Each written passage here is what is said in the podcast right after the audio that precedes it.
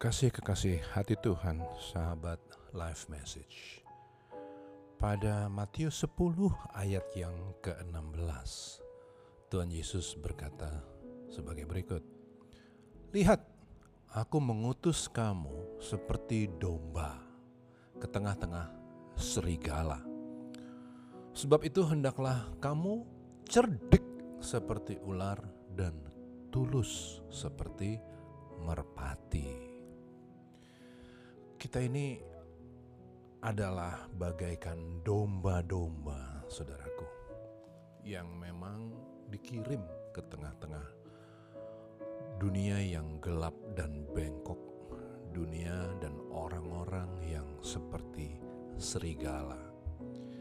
Tuhan Yesus berpesan, ketika kita berhadapan dengan orang-orang yang seperti itu, dengan dunia yang seperti itu, kita harus cerdik seperti ular dan tulus seperti merpati. Memang adalah kehendak Tuhan supaya kita menjadi orang-orang yang lemah lembut, orang-orang yang hatinya pecah untuk kepentingan orang lain, orang-orang yang cepat tanggap menghadapi kesulitan dari orang lain. Hal ini dilakukan oleh Paulus. Dia sangat peka kepada orang-orang sekelilingnya. Paulus berkata sebagai berikut ya dalam 2 Korintus 11 ayat 29 sampai 30. Saking dia pekanya, dia berkata begini, "Jika ada orang merasa lemah, tidakkah aku turut merasa lemah?" Ya. Baik banget orang ini. Jika ada orang tersandung, tidakkah hatiku hancur oleh duka cita? Jika aku harus bermegah, maka aku akan bermegah atas kelemahanku, kata Paulus. Tapi sekalipun dia adalah orang yang lemah lembut seperti itu, bukan berarti bahwa dia harus terus-terusan seperti merpati yang lucu, yang jinak, yang badannya berbulu putih, nggak ngapa-ngapain gitu, enggak dia bisa sangat keras. Dia bisa berkata dalam 1 Korintus 4 ayat 21. Keras, dia bisa keras. Apakah yang kamu kehendaki? Kata Paulus. Haruskah aku datang kepadamu dengan cambuk? Lihat.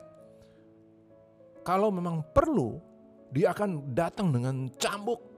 Bukan dengan kalimat-kalimat yang lembut. Memang dia bisa datang dengan dengan lembut. Dia terlanjutkan kalimat ini atau dengan kasih dan dengan hati yang lemah lembut. Ya, dia bisa lemah lembut, tapi kalau perlu dia akan cambuk. Nah, hari ini banyak sekali salah pengertian bahwa seolah-olah ketika kita ada di dalam Tuhan, seolah-olah ketika kita lemah lembut, maka kita dilarang untuk marah, dilarang untuk menegur dan lain-lain. Enggak, ketika memang hal itu diperlukan, marahlah, tegurlah dengan keras. Sepanjang bahwa maksud kita menegur dan marah itu adalah untuk membawa orang kembali ke jalan yang benar.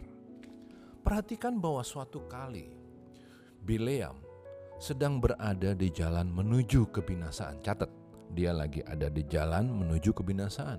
Dia lagi ngaco hidupnya.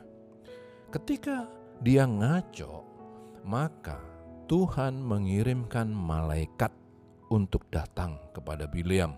Dia lagi naik keledai. Apa yang dibuat sama malaikat itu?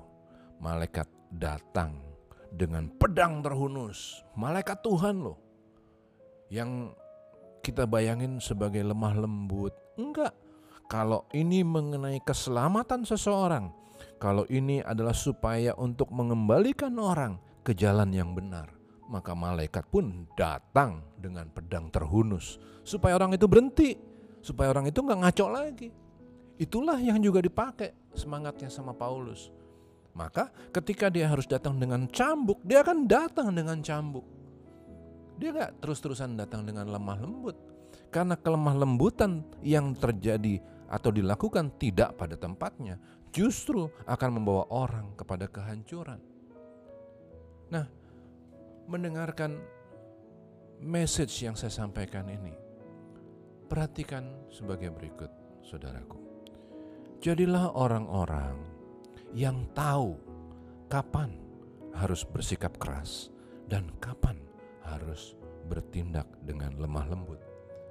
Kita bersikap keras kalau tujuan kita adalah untuk menyelamatkan seseorang dari kebinasaan. Tapi kita harus lemah lembut ketika kita menghadapi orang yang lemah, ketika kita menghadapi orang yang tersandung. Maka kepada orang yang lemah itu kita pun menjadi turut merasa lemah. Orang yang tersandung, kita berhati hancur. Itu sikap yang tepat sebagai orang-orang di dalam Tuhan. Amin.